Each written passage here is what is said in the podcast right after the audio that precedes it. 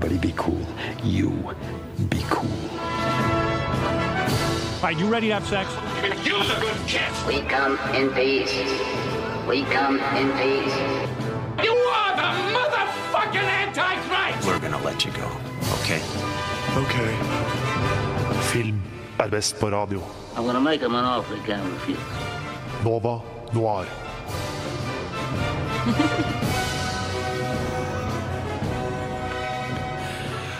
Arr! Og velkommen om bord i kongeskipet Noir. Vi har kastet loss og satt seil ut i ukjent farvann, og i dag har vi en doozy av en sending planlagt for dere i anledning av dette er siste regulære sending før sommeren. Vi har samlet hele redaksjonen for å snakke om filmer som gir deg vannskrekk i anledning badesesongens imminens. Med meg her i eh, introstikket i dag har jeg Karin, hallo, hallo. og Embla, wow! Og jeg er Alexander. Eh, og eh, jeg vet ikke, altså hvordan skal vil dere oppsummere dagens eh, sending? Embla? Altså, eh, vannskrekk er jo veldig bredt, så her tror jeg man kommer til å få veldig mye eh, rart. Jeg hadde lyst til å ha sending om sånn koselige sommerfilmer, men nei da. Hva vil du anbefale sommeren? Ja, jeg skjønte sånn, nei, jeg har en vannskrekk. Og så alle sånn nei, for da burde du bare call me by your name. så det ble vannskrekk, da. Eh, og det blir jo veldig spennende, men litt skumlere, kanskje. Ja, Eh. Altså, jeg, når jeg fikk eh, informasjon om vi skulle snakke om vannskrekk, tenkte jeg det blir jævlig fett, fordi nå skal alle ut og bade, og vi bare fòrer Ja, ja, alle ja. lyttere med Vær redd for vann. Nå skal vi snakke om tolv filmer som gir deg vannskrekk, liksom. og det første man tenker på, er jo fått Jaws, men den var ikke lov å velge. Ja, men Det er jo fordi det er så åpenbart alternativ. Mm. Så det, men jeg synes det er veldig mye sånn det er mye sånn uh, du, har dratt, du har dratt strikken litt langt på noen disse filmvalgene.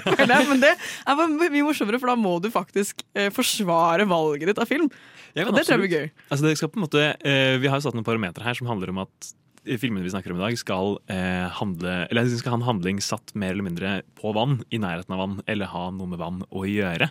Eh, og det føler jeg at vi har truffet ganske godt i eh, de filmene som ble valgt ut i dag. Vi har jo ikke, oss, Noen av oss tre har jo, er jo ingen av oss er med på alle stikkene. Vi har jo som nevnt med oss hele redaksjonen vår, så vi kommer til å regulere på hvem som er inne i studio. Så dere får lov til å høre mange forskjellige deilige stemmer og deilige takes på hva som gir en vannskrekk av film. Jeg vet ikke, Vi har jo alle litt sånn forskjellige filmer vi skal snakke om i dag, men hva er det du gleder deg mest til å snakke om, Karin? Jeg har gleder meg, ekstremt til å snakke om Waterworld. jeg skal være ærlig, jeg hadde ikke sett den før før vi, før vi planla den sendinga her. Og så så jeg den, og jeg var bare sånn Det her var Madmax, men på vann. Og det var bare så mye morsommere enn jeg forventa den kom til å være. Så den gleder jeg meg veldig til å snakke om. Altså, jeg har aldri sett den filmen, så jeg gleder meg veldig til å høre hva dere har å si. Ja, den må du se, Jeg er litt faktisk. redd. Dere har hypet den veldig allerede. Men hvis du har vannskrekk, så er den filmen faktisk litt skummel. jeg skal være ærlig.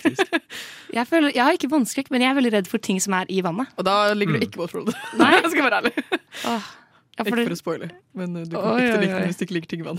jeg trodde den handlet bare om sånn fornøyelsespark. Men, For, øh, oi, Nei, nei, nei, nei, nei, nei, det er ikke, er. SeaWorld. Det er Liksom. Er det ikke? liksom. hvis du tenker Ok, jeg skal ikke si noe mer, men uh, du får høre om det ok, men da gleder jeg meg veldig. Da gleder jeg meg veldig, veldig. Hva med deg, Hva er det du gleder deg til å snakke om i dag? Jeg gleder meg til å snakke om Dunkerque, fordi den så jeg for første gang. Og jeg husker veldig godt at den kom ut i sånn 2017. Ja. Og det var veldig hypa. Eh, Og alle var sånn der Å, den er dritfett og sånn. Og nå så jeg den med nye øyne. Eh, Likte du den mer eller mindre? Nei, jeg likte den kanskje ikke så godt. Men det kommer, det kommer. Vi har noen hot takes Ja. på deg. Det blir morsomt. Hva med deg. Alex? Oi, jeg gleder meg også veldig til å snakke om Waterworld. Men vi har også sett en gammel favoritt av meg, eh, Aquaman. Er det en gammel favoritt av deg? Dette kommer vi til å snakke masse om i løpet av det stikket. Jeg håper det er- Eh, Men jeg kan er allerede det- nå tise at jeg, jeg har aldri ledd så mye i en kinosal som jeg gjorde da jeg så Aquaman for første gang i 2018. Ja, for det er den, ikke sant? Ja, Det ja. er 2018-versjonen. Ja, Det er Å, herregud. Kontroversielt. Den tror jeg aldri jeg gadd å se. Det er ditt tap. For Altså, det var jeg skal være ærlig, jeg så den på IMAX. Det var jævlig fett! det, altså, det er jo en helt syk film, og det skal vi jo snakke masse om etterpå. Jeg gleder meg masse til å samle Ludvig og Daniel i studio for å ha guttas sending om, eh, om Aquaman.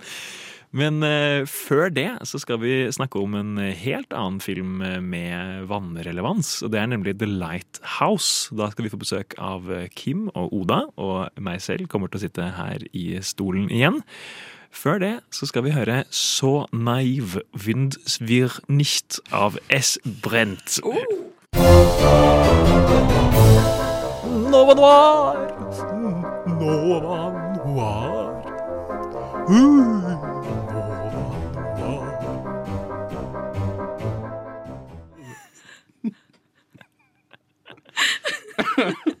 OK, vi må ta oss sammen. OK, beklager, eh, kjære lytter. Vi uh, har det altfor gøy med Uhu-jinglen. Jeg syntes det var litt skummel. Jeg synes ikke det var gøy. Jeg fikk frysninger. På ekte. Men blir man redd for vann av den? Eh, Ja. Okay. Jeg blir redd for deg. Bør for meg. Um, jeg tror kanskje vi skal snakke om uh, The Lighthouse. Ja. Eh, jeg kan jo ta en introduksjon. Intro- blablabla. Eh, The Lighthouse er en film regissert av regissøren Robert Eggers. Eh, nå skal jeg bare dobbeltsjekke. Den er fra 2019. eh, Og har skuespillerne Robert Patterson og Willem Dafoe i hovedrollene. Den eh, er eh, kort oppsummert av, eh, av regissøren selv som to menn stuck i et fallossymbol, og det kan jo ikke gå bra. De er altså to menn som er stuck på et fyrhus i eh, 1890-tallets eh, New England, hvor de da skal vokte dette fyrhuset, selv om de da blir offer for en storm og ikke får forlate øya de er på etter fire uker. Og ting går litt gærent, er det ikke det? Litt gærent. Men de gjør det ganske tidlig, egentlig. Sånn, de, de hefter ikke med å, med å switche. Nei. altså, Mitt innspill er at jeg ble ikke redd av denne filmen, fordi jeg elsker kammerspill i utgangspunktet. Så når, de, når de liksom begrenser det til ett eh, et område, så er det som skjer i hjernen min, at jeg vil være med. Og jeg, jeg vil henge med dem, og jeg vil også være med og danse, med, danse liksom på natta, og så er de dritfull, og så kysser de nesten ikke helt. Og det, det her er en romantisk film. Dette er en romantisk komedie, tror Den jeg. så veldig trivelig ut. Men du så den jo også til frokosten i dag, skal, skal jo si, så du er åpenbart ikke sånn veldig skremt av den. Nei, jeg syns det var en, en meditativ start på dagen, egentlig. Altså det, du- det du blir redd for av denne filmen, er jo egentlig havfruer. Absolutt. Det Mut, si det. ja, ja, Det. Mutant-havfruer. Havfruer, eh, måker og havet. Hav, havfruevaginaen i filmen var sånn det skumleste jeg så hele jævla filmen. Ja. Da. Basert på en hailabia, leste jeg. Altså en haivagina. Nei, har du sett det? Jeg leste det. Kan du vise meg bildet etterpå? Jeg kan vise deg bildet etterpå. Okay, For alle lytterne der ute, bare google hailabia. Så får Ja. dere sikkert opp det bildet av det. Men det er jeg litt glad for at du sier, egentlig. For jeg, da jeg så den, så tenkte jeg bare sånn her Er det liksom det her Robert Eggers alltid har sett for seg at en havfruevagina ser ut som? Så det er, det er en bare- drøm som kommer til live for han å kunne bringe det til skjermen. Men det er jo the age old debate. Hvis du skal ha med deg en, en havfrue på en øde øy, hvilken del av havfruen vil du ha med deg? ja, fiske Og nå, vet nå vet vi hva underdelen eh, Så nå kanskje de må ta til takke med overdelen. Men eh, for det her er jo en film som eh, hovedsakelig utspiller seg på land, men veldig mye av handlingen eh, baserer seg på eh, altså overtro rundt hav. Vil jeg si. Altså, eh, Defoes Dafoes eh, karakter er en landfast sjømann, egentlig. Eh, mann som har jobbet på sjøen hele sitt liv og egentlig har et sånn stort kjærlighetsforhold til sjøen. Eh, han, han bringer inn liksom veldig mye som sjøbaserte myter og overtro inn i denne filmen. Eksempel påkaller han på et tidspunkt liksom Neptun for å sende sin vrede mot Robert Pattinsons karakter, fordi Robert Pattinsons karakter ikke liker, ja, men ikke liker uh, hummeren han tilbereder. Han liker ikke maten hans. You fancy me lobster? Jeg like på lobster. Altså, Jeg syns det er et kjempesårt øyeblikk. Jeg, blir, jeg, blir sånn, jeg synes det er kjempesårt og ømt, og det mener jeg genuint. Det er peak Willem Defoe-mode. Uh, som viser seg sårbar. For han er kjempelei seg for at Robert Pattinson ikke liker lobsteren hans. Han har vært sånn slem og hardbarka sjømann hele veien gjennom Ja. filmen. Og det er sånn første gang man ser at han den, den traff. Den traff Han, han virkte likte ikke hummeren hans. Den traff skikkelig. skikkelig. Det var kjempeleit. Han kan gå rundt og øh, virke kald så mye han vil og prompe og bare være helt mm. distansert. Men når du kommer til å øh, ikke få respekt for matlagingen sin, da blir han faen meg sinna. At det er, det er uhørt. Ja, det er faen meg uhørt. Ja. Men altså, det er jo eh, en ganske liksom, mytologisk eh, film. Den har på en måte mange liksom, overnaturlige elementer. Eh, du sier at du ikke ble noe redd av den, Oda, men hva med deg, Kim? Mm, nei, den var litt sånn eerie, tror jeg heller at jeg vil si. Sånn, jeg ble liksom, litt sånn grøssa ut, kanskje, enn redd. Men, eh, men jeg syns, oppriktig det havfruescenen var litt sånn skummel. å finner henne liggende, og så bare ser hun på han, så bare begynner hun å hyle i ansiktet hans. sånne Ja. ting. Jeg synes det var gørr skummelt. Ja. Måsene var jeg var redd for. Uh, helt helt til helt han Dahlia, den jævla måsen, til døden. Ganske Og bare slapp løs vreden til alle havgudene som noensinne har eksistert, Ja, ja. Men har dere tenkt over den Det er jo en veldig tydelig sånn Prometheus-referanse mot eh, Nei, vent, da, jeg kanskje, kanskje ikke spoiler slutten. Never mind. Tulla. Jo, Lurte det er en film som har vært ute siden 2019. Jeg tror kanskje vi kan eh, Ja, okay. regne med å Fordi det er jo, Du snakket om at den var veldig inspirert av mytologi sånn generelt, og Mm. ikke bare havmytologi. Den, er jo, den går jo veldig inn i den Prometheus-myten, Mm. hvor han da på slutten er liksom, henger fast og blir, blir hakket opp av måkene. Det er jo egentlig den skumleste delen, syns jeg. Absolutt. Den, den siste scenen der. Mm -hmm. Fordi Prometheus-mytologien handler på en måte om denne, denne Prometheus, eh, som er en titan, som eh, stjeler ild fra gudene for å gi det til menneskene. Eh, og i denne filmen det jo, handler det jo om, om lyset fra dette, dette fyrhuset, som får liksom en sånn mytologisk karakter. Eh, William Defoe tilbringer liksom hver eneste natt der oppe i liksom bar overkropp, hvor han bare sånn sitter og har liksom, er i ekstase og runker. Det er sånn jævla scene hvor det kommer sånn sæd ned. Ja, det, det renner sånn slim eh, Ja. ned på Robert Pattinson. Ja, ja, ja. Mm. Og på en måte Det er shit piss come the movie. Shit, piss come the movie. Det er mye Mm. kroppsvæsker. Masse. Ja. Mens alt er jo i sort-hvitt. Det er jo på en måte, det har vi ikke touchet på ennå. Altså, estetikken i denne filmen her er jo på en måte em, sort-hvitt. Wes Anderson møter uh, jeg vet ikke, The Exorcist eller et eller annet. Det er sånn Som Wes Anderson på crack eller noe sånt. ja, ja, absolutt. På meth, tror jeg. Er meth, sånn ja. skikkelig hard, hardcore trip. Men en veldig god film, hva syns vi? Ja, absolutt. Veldig, veldig bra. Altså Når jeg sier shit piss come the movie, så mener jeg det med kjærlighet og omtanke og som en anbefaling. I aller høyeste grad. Absolutt. Det er en dritbra film. Det er jo på en måte en film som um, har veldig mange elementer. Det er jo på en måte her, denne relasjonen mellom de to mennene som bygger seg opp over lang tid. Det er mye på en måte altså det, Filmen jo, foregår jo bare mellom de to. Og i scener hvor Robert Patterson er for seg selv og er liksom frustrert over at han må gjøre liksom all den her drittjobben. Og det hele tatt. Um, og jeg føler virkelig at det samspillet mellom de to fungerer veldig, veldig bra. Em, jeg vet ikke helt hva dere syns. Ja, altså Det er jo to helt fantastisk dyktige skuespillere. Ja. Og de, det er også det greia med kammerspill, er at da blir jo fokuset 100 på relasjonen. eh, Eller i hvert fall i veldig veldig stor grad. Og da må du også lene deg på eh, skuespillerprestasjonen.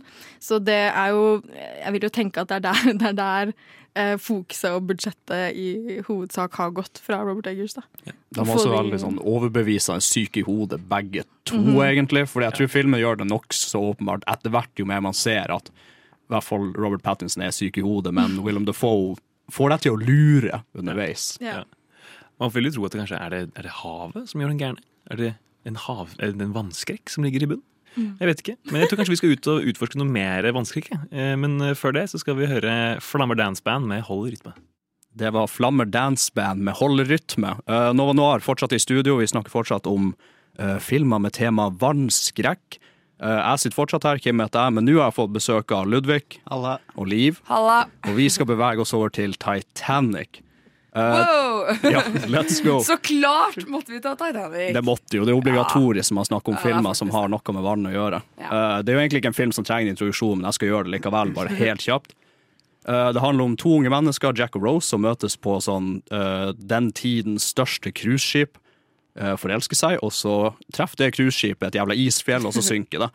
Og det er egentlig filmen. Så hvis vi skal ta det her til vannskrekk, så tenker jeg sånn her Det å liksom være på en fuckings ferge eller cruiseskip langt ut i jeg vet ikke, Stillehavet et eller annet sted, og så bare går det ned. Ingen motherfuckere.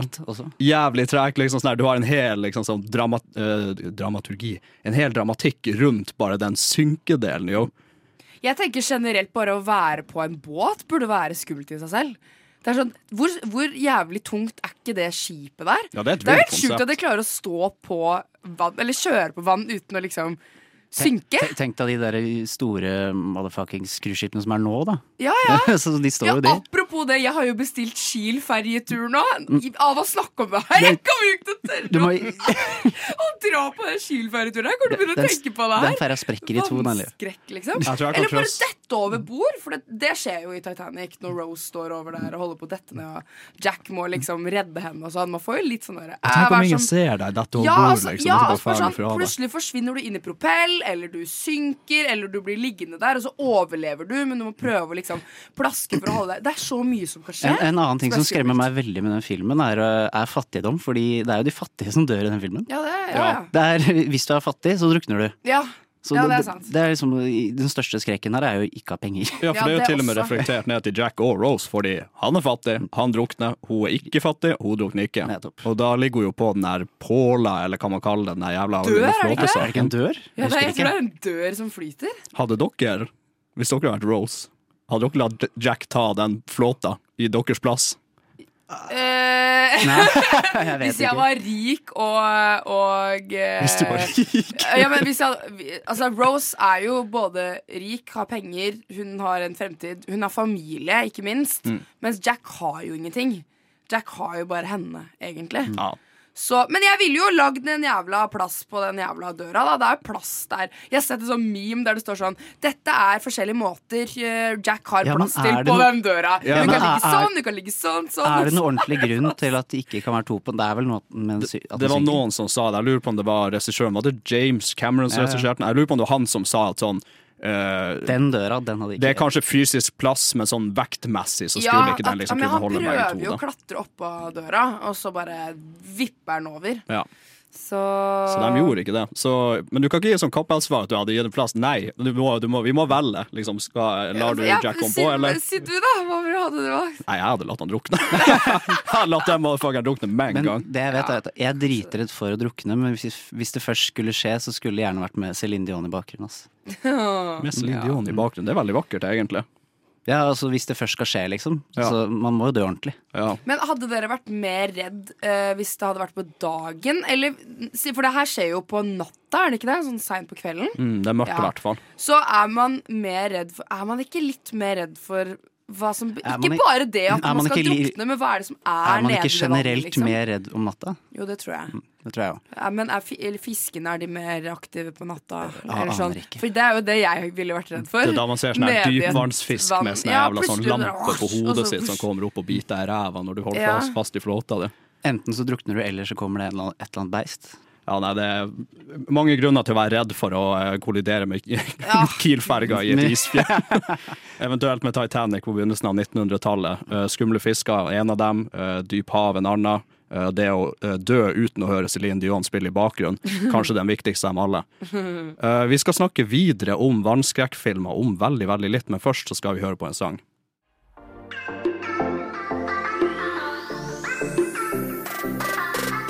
Du lytter til Nova Noir her på Radio Nova.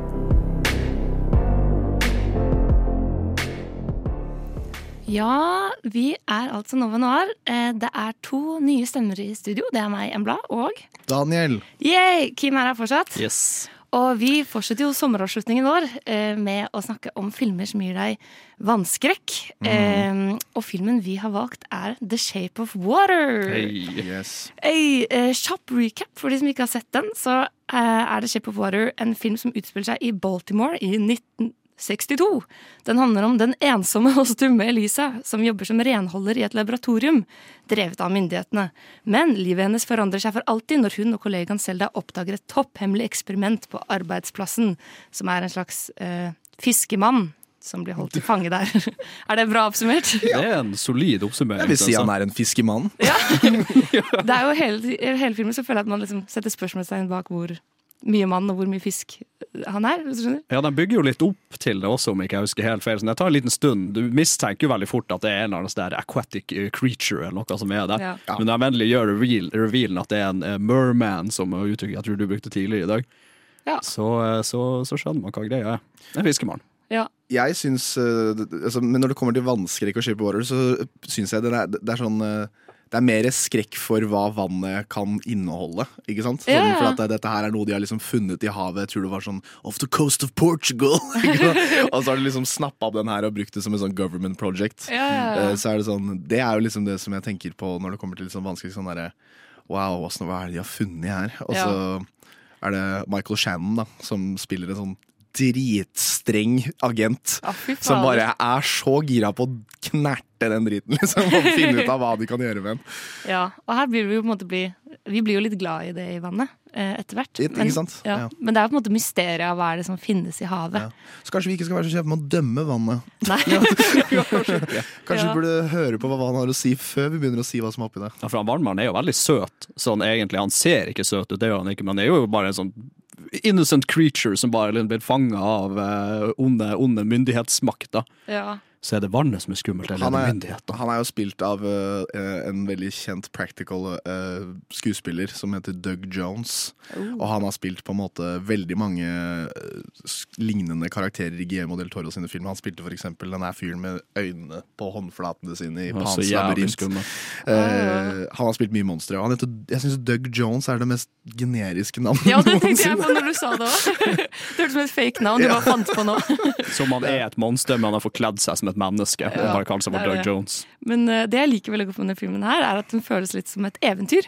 Den Eh, veldig sånn klassisk eventyroppbygning. Sånn, eh, egentlig litt samme story som Slipp Willy fri, hvis ikke jeg husker det helt feil. At det er liksom et, Det var et det det var! Jeg tenkte på det samme da, Riktig, da du oppsummerte den. Så jeg sånn, syns jeg har sett det her før. Ja, ja, ja. Akkurat det. Den, har jo, den er jo fantasy, i, som Mm. faktisk rent sjangermessig. Og jeg tror faktisk det er til den dag den eneste fantasyfilmen som har vunnet Best Picture Ja. på Oscar-utdelingen. Den vant jo masse på Den vant veldig mye. sinnssykt mange priser. Eh, og kanskje litt uforventa for meg, i hvert fall. Fordi hvorfor er dette en film som slår så bredt? Jeg vet ikke, jeg tror sånn, Det er litt med det temaet også. Jeg syns vann, altså vanns, ikke vannskrekk, men sånn at det er et eh, maritimt eh, tema her. Da, at det er veldig mye Folk er interessert i sjøen. Folk er interessert i hva sjøskapninger eh, Hva slags skapninger det kan ligge i sjøen.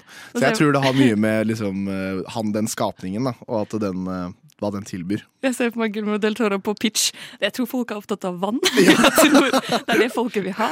Ja, men Folk er interessert i mystikken bak eh, hva som er i vannet. da Ja.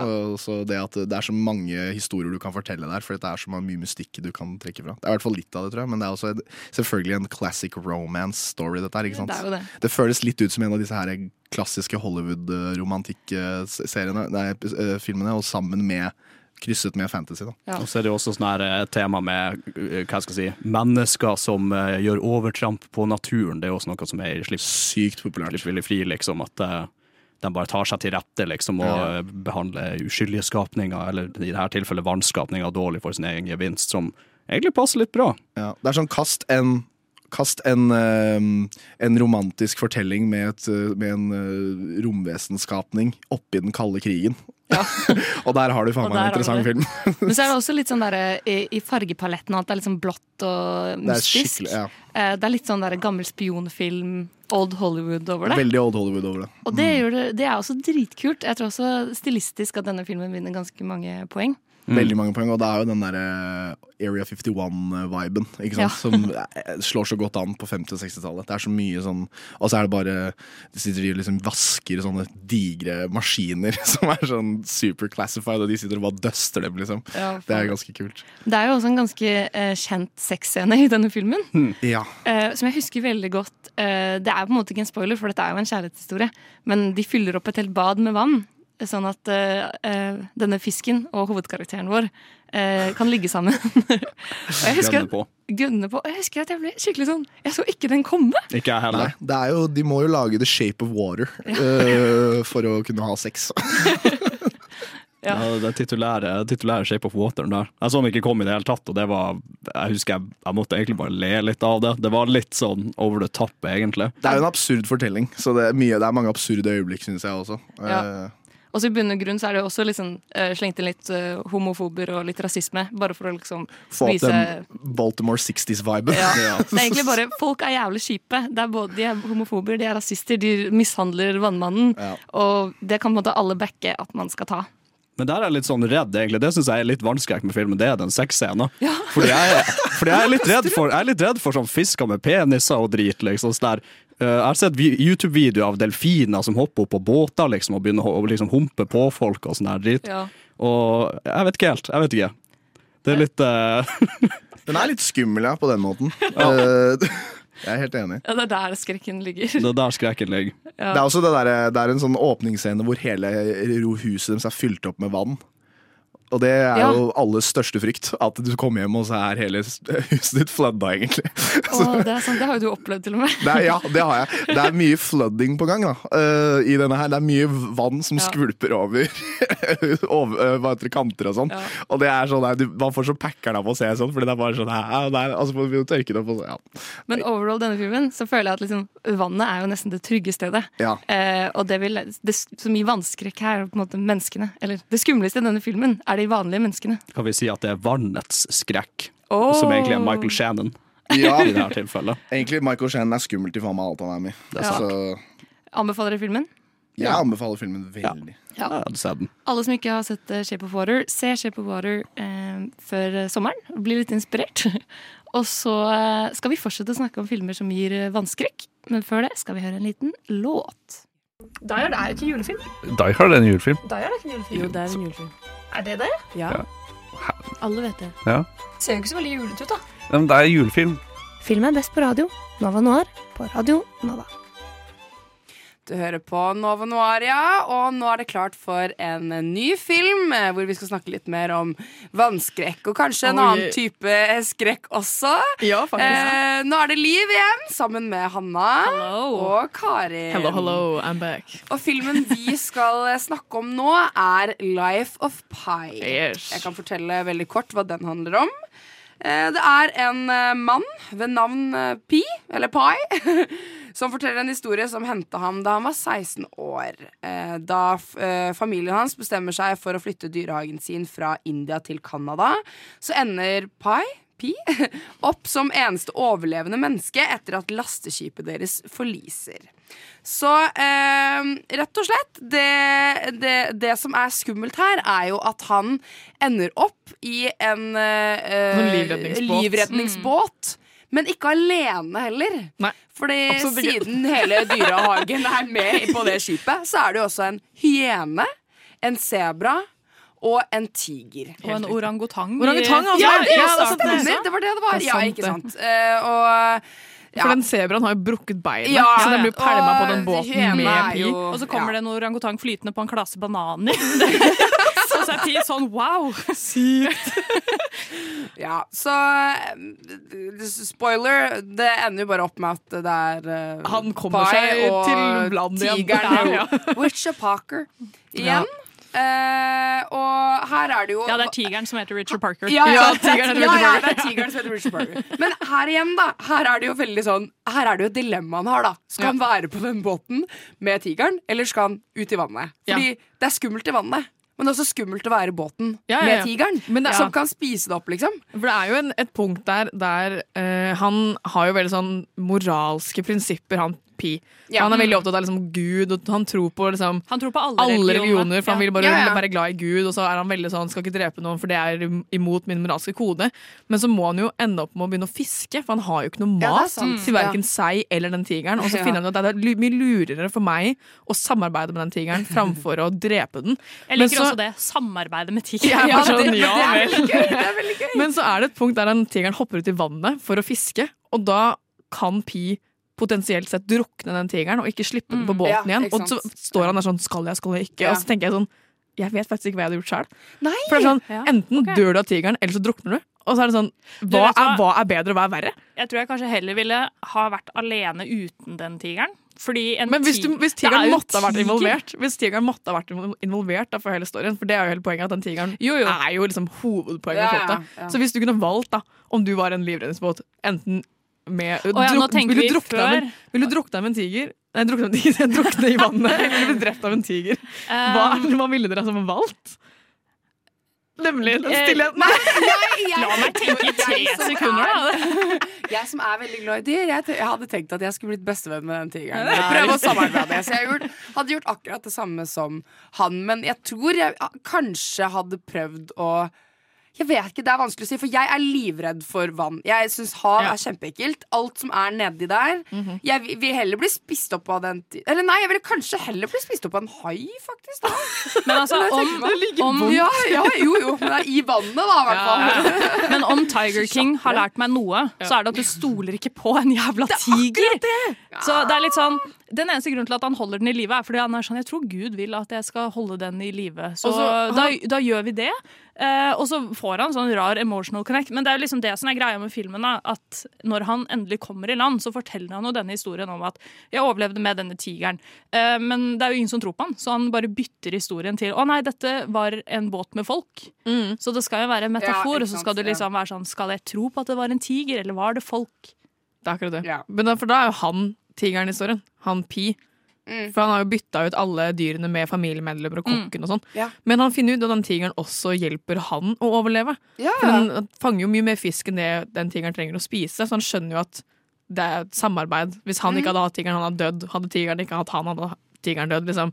Det er jo et sånn å, naturen jobber sammen, ikke sant, fordi alle trenger jo alle. Men så er det sånn, de er på en bitte liten båt midt ut på at, Hva heter det? Stillehavet, liksom? Ja, sånn. Herregud. Mm. Men jeg tror også at det som kanskje ga meg mest vannskrekk, er egentlig mer sånn forsøplingsskrekk. Er den filmen litt bedre på. Mhm. Fordi han kommer jo til en øy som bare er laget av søppel. Ja, som er det- forma som en dude. Eh, og så er det sånn giftige små vann og sånn, for han tenker sånn Å, her kan jeg gå i land, og Ja, for her den går kjøttetende øya, ikke sant? Ja, Ja, for det var det- jeg nevnte i stad. Og den der øya som, den virker skikkelig bra, og så er det masse ressurser der, og rent Ma- vann marekatter, og ja, og masse dyr. Og så om natta så dør alle dyrene på hele øya, for den øya er egentlig eh, eh, sånn eh, kjøttetende. Så alt av kjøtt som er på den øya om natta, blir spist Ja, av det, øya. sorry, det er jo ikke søppeløy, det er jo sånn eh, svært tre av noe slag. Men Ja. jeg tror det er sånn metafor på søppel eller et eller annet sånt. Sannsynligvis. Ja, men- Den er veldig moralsk, den filmen der. Ja, den, den er det. Ja, for det jeg tenkte på var sånn der, hvor, Han vet jo ikke hvor lenge han skal være på den båten. Nei. Heller. Tenk å Det være stuck på en båt på Stillehavet, Ja. Med en Oh tiger, God. og bare du aner ikke når, om du blir funnet, eller om det er ingen som leiter etter Om du blir spist, om du drukner. Ja, ja, og så er det bare sånn Han, Han kan jo ikke en svømme båt heller. Han har vel ikke årer heller? Han liksom Nei, han har bare, han har bare en båt Ja, og en sånn, basically sånn en tarp liksom, over båten. Det er helt sjukt. Liksom bare Å, herregud, for et traume! Ja, jeg hadde aldri, hadde aldri kommet meg fra det.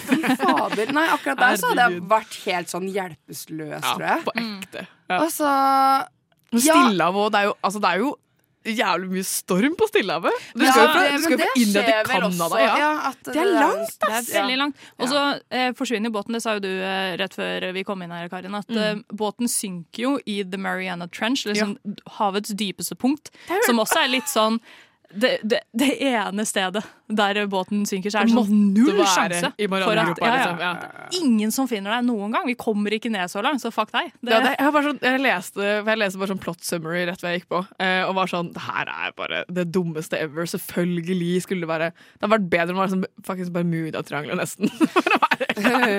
Enn Marianergropa. Det var det bare hadde så vært sykt enda lenger, da. Ja, og så er det på feil side av jorda, da. I Det er utrolig lite økonomisk, egentlig. Men det er ikke sånn der Dragons Triangle? For det er sånn Bermudatriangelet bare sør for Japan. Og det er der de er. Ja, ja. Er det ikke det?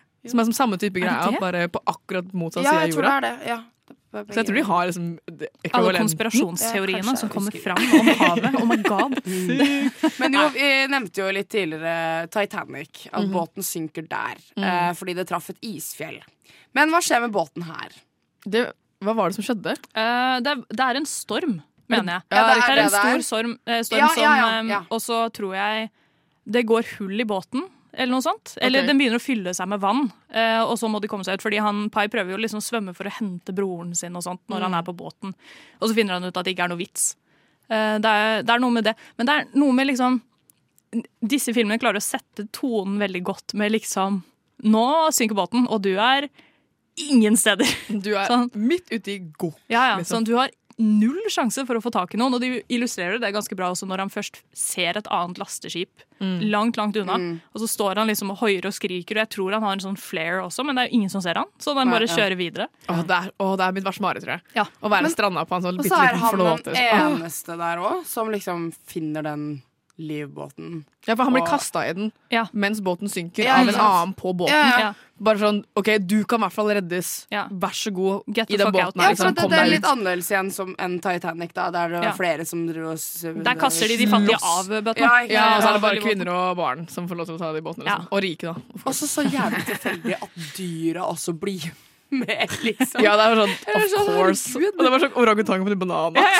Herregud. Ja, den heter noe sånn der Mrs. et eller annet. Så han, eh, men det er jo det, da. ikke sant? Så jeg syns de gjør det litt sånn lurt med filmen. At de sier liksom Ja, Richard Parker heter jo liksom Tigeren, og det kan jo like så greit bare være en kokk, liksom. Så når jeg ser den- vanlig menneske. Ja, Ja, ja. basically. Ikke sant? Ja. Så det, det, det anbefaler jo egentlig veldig å se den filmen. Jeg føler liksom Det er mange andre typer skrekker du også får av den filmen, som dyreskrekk, eh, forsøplingsskrekk, eh, isolasjonsskrekk.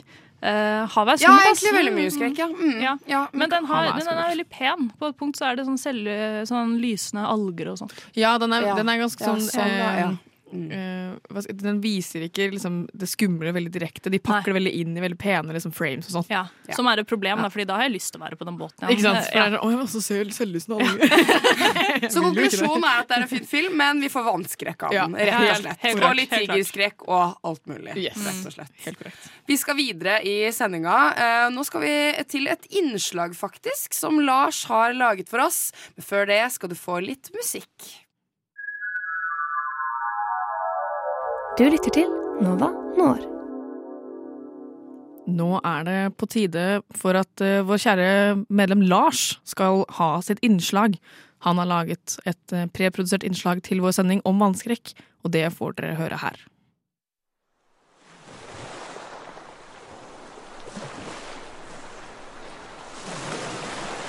Hei, alle sammen. Det er snart sommer, og man tenker så klart over hvilke filmer man assosierer med sommeren. Man kan f.eks. ta Haisommer, eller hvis man føler seg litt nostalgisk, så kan man jo kanskje ta Kaptein Sabeltann. Men jeg, nei. Absolutt ikke. Jeg er mye mer original enn det. Filmen jeg så klart har valgt, er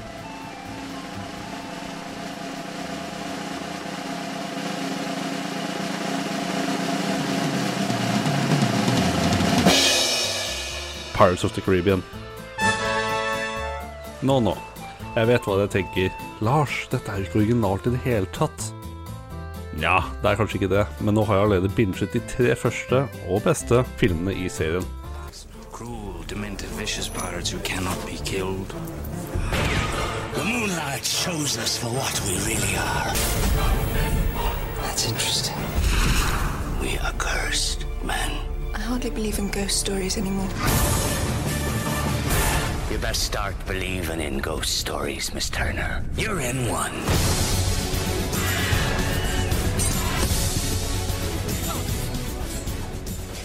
Jeg må jo først bare gi masse cred til at studio faktisk lagde en ordentlig piratfilm i ordentlig swashbuckling-stil, som ikke har blitt sett på tiår. Og som i tillegg er basert på en attraksjon i Disney World. Men selv om dette høres ganske banalt ut, så fikk de det virkelig til. Og i tillegg klarte en fin balanse mellom en skummel film og en film barn kan se. For om det er noe som irriterer meg, er at det er barn nå til dags har det altfor godt. Og dette kommer fra meg som hater skrekkfilmer og alt det der. Det som er imponerende, er at det er film som står veldig sterkt for seg sjøl.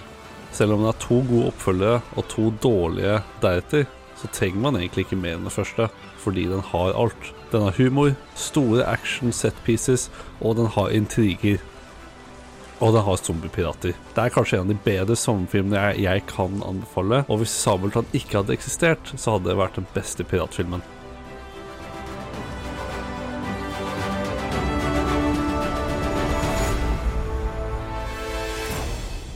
Tusen takk, Lars, for et fantastisk innslag. Det koste jeg meg masse med å høre på. Da får dere en låt før neste stikk som handler om bølgen, og da får dere Morning Coffee av Kristoffer Eikrem. My mama always said, Nova Noir was like a box of chocolates. You never know what you're gonna get. Hallo, hallo, og vi er fremdeles, som dere har fått introdusert i hvert eneste stikk, på sending om mannskrekk. og vi er nå videre på Bølgen. Det bygges it all, kanskje? Ja. Altså, det er jo en norsk film og en film om vannskrekk, så det er jo Det var også eh, Norges Oscar-kandidat et år. Var det? Å nei! Å nei, var det Å, Oh, herregud! Ja, vel, hvert år så sender jo Norge inn en Oscar-kandidat. Altså en Og så setter de bølgen? Ja, for det var, det var filmen, da. Å, herregud. Vi skal i hvert fall snakke om Bølgen, og kort fortalt så handler Bølgen om geologen Christian Eikejord, eh, som skal slutte som geolog i Geiranger og flytte til Stavanger med familien sin. Men siste dag på jobb så finner han ut at eh, noe er galt med disse sensorene oppe i fjellet. Eh, og det er da veldig sannsynlig at det, det sprekker i fjellveggen, og at det kommer en kjempediger bølge og tilintetgjør hele Geiranger, basically. Det er noe gale. Det er noe gale, Det er ja. noe gale. Det stemmer jo ikke. Stemmer ikke. Så det er jo kort fortalt eh, eh, Spoiler, bølgen kommer. Overraskende nok. Bare, vi snakket om det på vei hit, jeg og Daniel, at det er eh, tittelen heter Bølgen. Plakaten er bilde av filmens største høydepunkt. Og så er det sånn, Alle vet at det kommer til å skje, Ja, ja. og så later de som i sånn tre kvarter at den bølgen ikke kommer. Men den jo- kommer jo! Men jeg mener jo at eh, det å markedsføre en eh, katastrofefilm innebærer at du kanskje må si at det er en katastrofe som skjer. Men det er jo Men- gøy å ikke vite hvilken katastrofe. da. Jeg elsker Kristoffer Joner. Jeg liker ikke Eh, Kristoffer jo, jo. Den siste, revja, den siste bølgejakta. Å, herregud. Bølgen, Eh, eh, jeg, eh, når det kommer til vannskrekk og eh, bølgen, så vil jeg jo si at eh, den er eh, dritskummel i formen av at eh, den, på starten av filmen så sier den jo sånn herre dette her er jo basert på noe som faktisk i teorien kan skje. Ja, ikke ja. Det er derfor denne her var så innmari på radaren til alle når den kom. Ikke sant? Fordi det var sånn det er, det er, det er Den sprekken, den sprekken finnes jo på ekte, liksom. Ja, det er ja, og det er jo folk som passer på den Ja, ja. nå i Og så. Det er så alvorlig når det bare er sånn dun, dun, Så er det bare helt svart skjerm, og så kommer det én hvit Times New Roman-tekst. Og så er det bare sånn Bølgen, eller sånn. Ja, så kommer det bare sånn her kan Dette skje. kan skje igjen, ikke sant. Ja, men det kan det, altså, trenger ikke å skje i Geiranger engang. Det er jo sånn, Vi har jo til og med sånne alarmgreier for uh, oversvømmelse. Ja, ja, ja. Det er, eh, 2022. Og det syns jeg er litt skummelt. sånn, det å bli truffet av en det! åtte meter høy bølge over kjenner, hele det må jeg si, liksom. man kjenner litt på det når man sitter og ser den filmen, og Mm. bølgen kommer, så blir man sånn Hva gjør man da? Ja, men hvor, hvor, hvor drar du? Hvor, Ja, hvor løper hva gjør du? du? Skal du sitte i bilen? Skal du prøve å svømme? Men sånn, skal, du... gjemme deg i en bunker? Det blir jo ja! Vann i bunkeren nå. Liksom. Hva Eller skal du ta deg inn på en bed and breakfast, sånn som de gjør i filmen? Ja, sant. Det er det Eller skal man liksom bare sånn. Sitte litt sånn som i Don't Look Up, der du bare sitter og spiser middag og spør sånn Ja, nå kommer den bølgen snart, da. Ja, og så får vi bare det fint, liksom. kose oss med det. Det er jo det Kristoffer Joner prøver å advare alle. Og, Og så- ingen dro på han. De er sånn, ja, bare chiller'n, bare slapp av, det går sikkert fint på å gå løgg da. Ja, og så må han redde sønnen sin, og så må han plutselig redde dattera si, og så må han redde alle. Sjefen hans ofrer seg jo for kollegaene hans og sånn. Han Arvid. Ja, Arvid, ja. Han, off, for han, han ene, nå husker jeg ikke hva han kollegaen heter, Nei. Uh, men han har satt seg fast. Og da Ja, ofrer. Arvid seg for at han kollegaen skal overleve. Men- så da dør liksom Ja, sjefen til han Kristoffer eh, Joner. Jeg var sånn Jesus. Det er, eh, det er jo katastrofefilm eh, 101. Ja, at du må alltid ha en litt likende karakter Ja, som, som dør. er sånn Just go! Just do it! Go! Go without me! I'll be right! Og så sier han alltid I'll be right behind you! Og så kommer han ikke, ikke sant? For at Det her han, skjer jo også i 2020. Gjør den det? Ja, ikke sant? Det, det husker Ja, I jeg ikke. filmen 2020, liksom. ikke. Han derre pre presidenten eller statsministeren eller Russia eller hva det er for noe, han Ja. ofrer seg jo nei, Å nei, 2012? 2012! Herregud! Jeg bare 2020! Det var sånn 2020. Dette var noe feil her. Ja. 2012 var det, ja, for da skulle jo verden gå under, og da kunne det være Og John Cusack alt skal redde verden. Ja, det var det det var. Og i eh, Skjelvet også, som, For det er jo som, som er nesten en direkte oppfølger til er- bølgen, for det er også sannsynlig at kan skje. Så skjelvet og bølgen hvor- er jo Hvor komisk er det ikke at uh, det er Kristoffer Joner som er samme karakteren som er sånn Jeg sier at jeg kommer med et skjelv. Ikke sant? alle Altså, sånn, er sånn Kristoffer, du er bare jævla paranoid fordi den bølgen som traff for tre år siden, Ja, liksom. det er så sant. Ja, og så Herregud! Men da er det jo også en likandes karakter som uh, men ja, Det må jeg si, det handler, akkurat det med vannskrekk Det er sånn, greit, greit det, men, men akkurat den Skjelvet-filmen, da ble jeg så jævlig redd, ass. Ja, den, den så jeg jeg når jeg var på. Gol. Jeg var redd for å komme tilbake igjen til Oslo. Men De det er sånn, jeg drar aldri tilbake. eh, så jeg tror det er, men det er større sannsynlighet for å overleve eh, en bølge, holdt jeg på å si. Tror du ikke det? Nei, jeg ville tro det er mye lettere å overleve et jordskjelv, for da kan du gjemme deg under et bord. på en måte En bølge så blir du bare dratt med av strømmen. på Ja, en men, måte ja, nei, faen. Ja, men Det er det som er greia her, det er derfor disse filmene fikk så mye traction. Tror jeg, for at det er sånne Katastrofefilmer har aldri vært bra. liksom Altså aldri liksom Ingen som har tatt katastrofefilm på alvor. egentlig Det var liksom et fenomen som varte i noen år, og så bare fant alle ut Ok, dette er skikkelig dårlig film, egentlig. Og så, Men siden Bølgen og Skjelvet og Hølet og, Og tunnelen, tunnelen. og eh, eh, Sprekken og Hva heter den jævla sjøen? eller Nordsjøen, ikke sant? Nordsjøen. Ja, alle, alle de filmene, grunnen til at de gjør det sånn noenlunde bra, er jo fordi at det, det er, vi kjenner oss igjen i det, for at de har plassert det i en kontekst vi kjenner til. Så da sitter vi der sånn Å, se der, da! Barcode! Det går, er Ja, du ødelagt! ja, Jeg gikk jo der i går!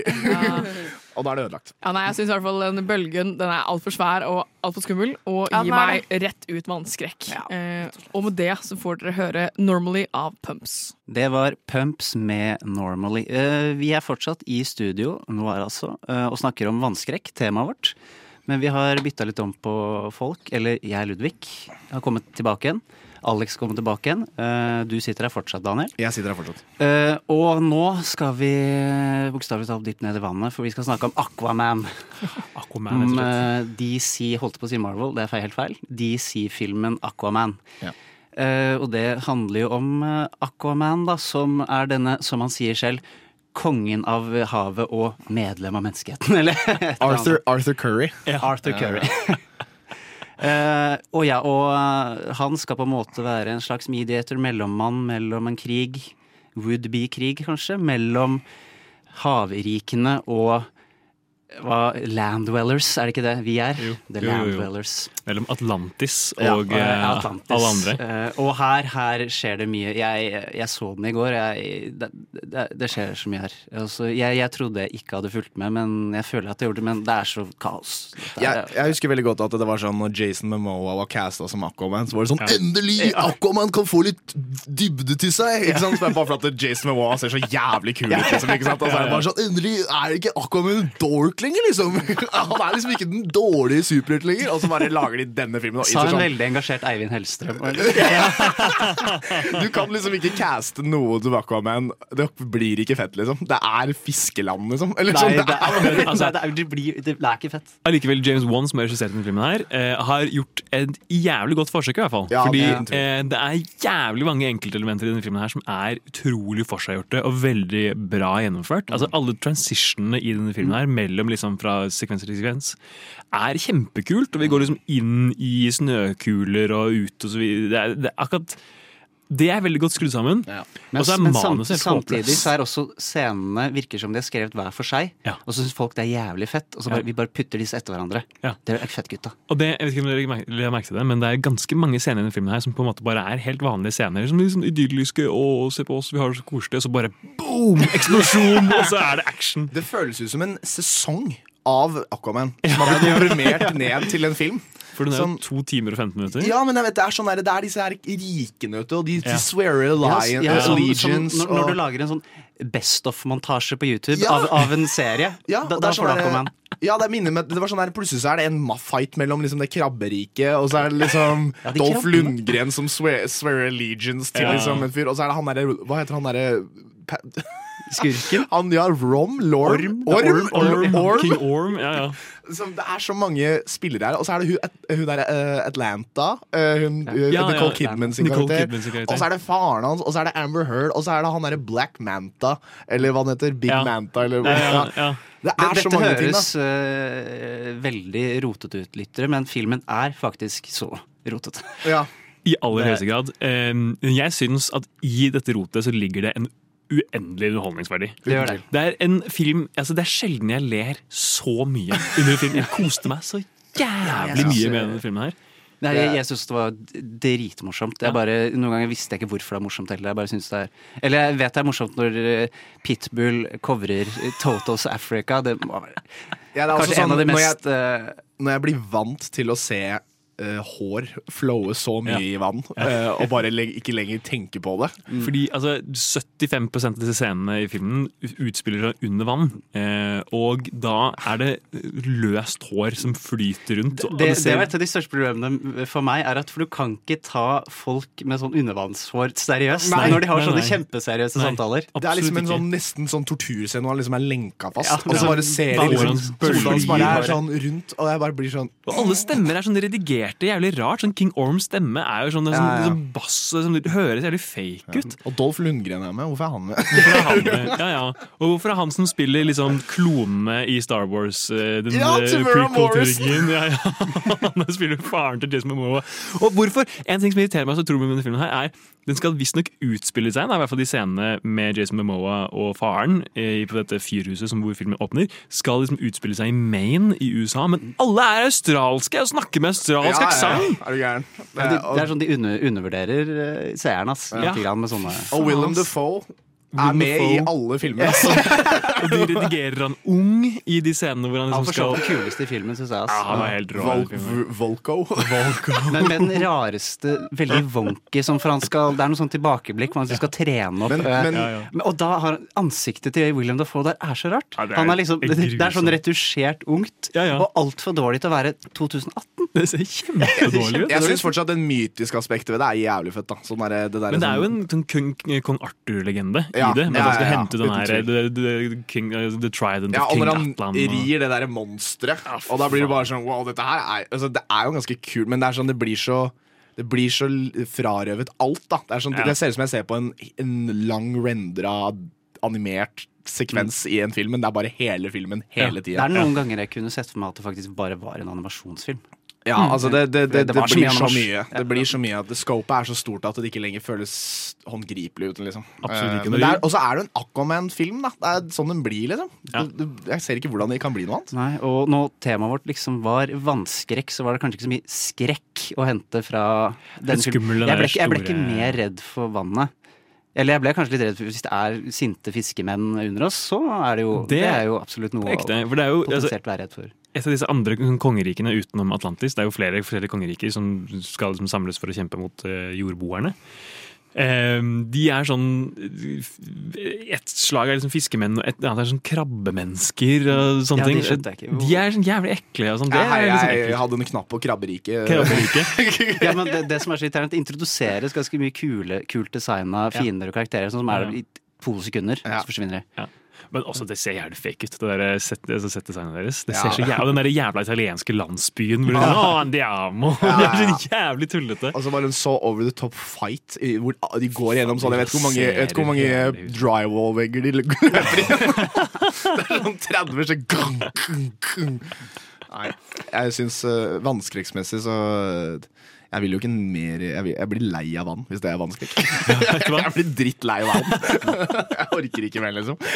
Men det, en, en, en ting som frustrerer meg veldig mye med denne filmen, her er at ingen, er liksom, ingen oppfører seg som mennesker. Nei, de er er ingen som er Og liksom så syns jeg de der eh, spøkene til Jason Momoa holdt jeg på å si, når, når, når, sånne Earth jokes, sånn, Pinok Pinocchio-referanser og sånne, ja. som, og dette kjenner dere igjen i publikum, ikke sant? Ja. Altså, Hvor, han er, hvor hun er sånn Å, finner, får den boka i gave av en jente i den italienske landsbyen. Og, og så er han sånn Å, wow, se her! Du, baserte, du, du risikerte livene våre på noe du har lest i en bok. Og så er det sånn Å, er det en bok? Ja, bare se på filmen, da. Det er så jævla teit. Å, fy faen. Men det er gøy, da. Jeg Jason Jason Momoa.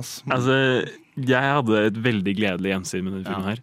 Um, jeg tror vi nevnte det så vidt i stad, men vi er nødt til å snakke mer om den scenen hvor uh, Jason Momoa og Amber Heard, da, som spiller liksom love interesten her, kommer ut av vannet og er i Sahara. Og uh, Pitbull, som har laget musikken til hele filmen Som er helt sjukt. Er, ja, det, sjukt. Er det, som, hvem, ja, det er litt sånn James Wan, han som har regissert den, som også lagde Så. Ja. Det er litt sånn idé, føler jeg. Når det er en sånn intens fyr. Ja, vi får med Pitbull. Pitbull. Men da er det denne scenen her hvor de kommer ut av vannet, og Pitbull har laget et cover av Africa av Toto, som de spiller. Og det er bare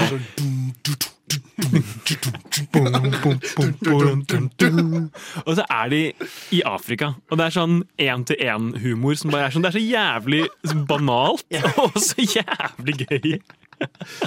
Ja, Det føles veldig ut som noe som føltes sykt bra ut i klipperommet, men Ja. ikke translata når, Ja, ja, ja. når alle andre så Ja, det høres, det høres ut som en sånn vors-idé. Men Se hele filmen. Det er faktisk fortsatt. Se for deg å være 13 år, da. Komme inn i kinosalen her og se liksom Aquaman stå der, og det er slåssing, og det er eh, Jeg skulle ønske jeg var 13 da han kom ut. Ja, da, da, Det er den beste alderen å se denne filmen. Jeg er 13 år, liksom.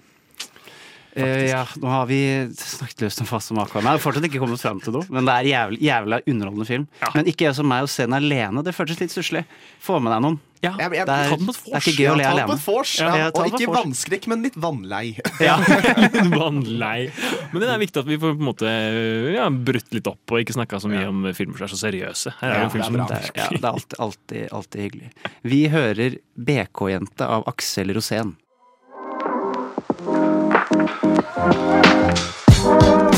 Nova Noir. Film på radio. Hver torsdag 10 til 12, eller i din podkast-app når som helst.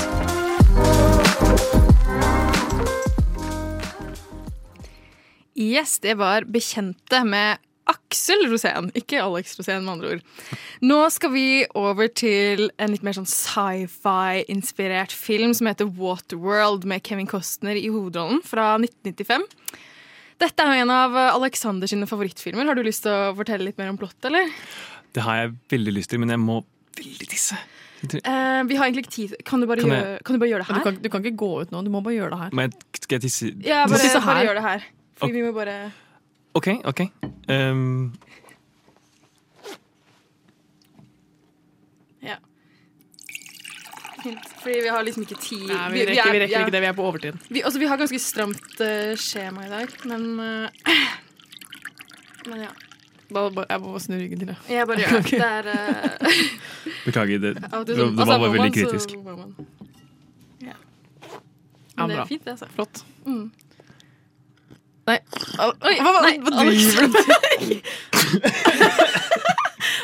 Hva, hva driver du Alexander, stopp! Ikke drikk din egen tiss, da! Hva faen? Vil du ha litt obehag? Altså, jeg er jo litt tørst, da.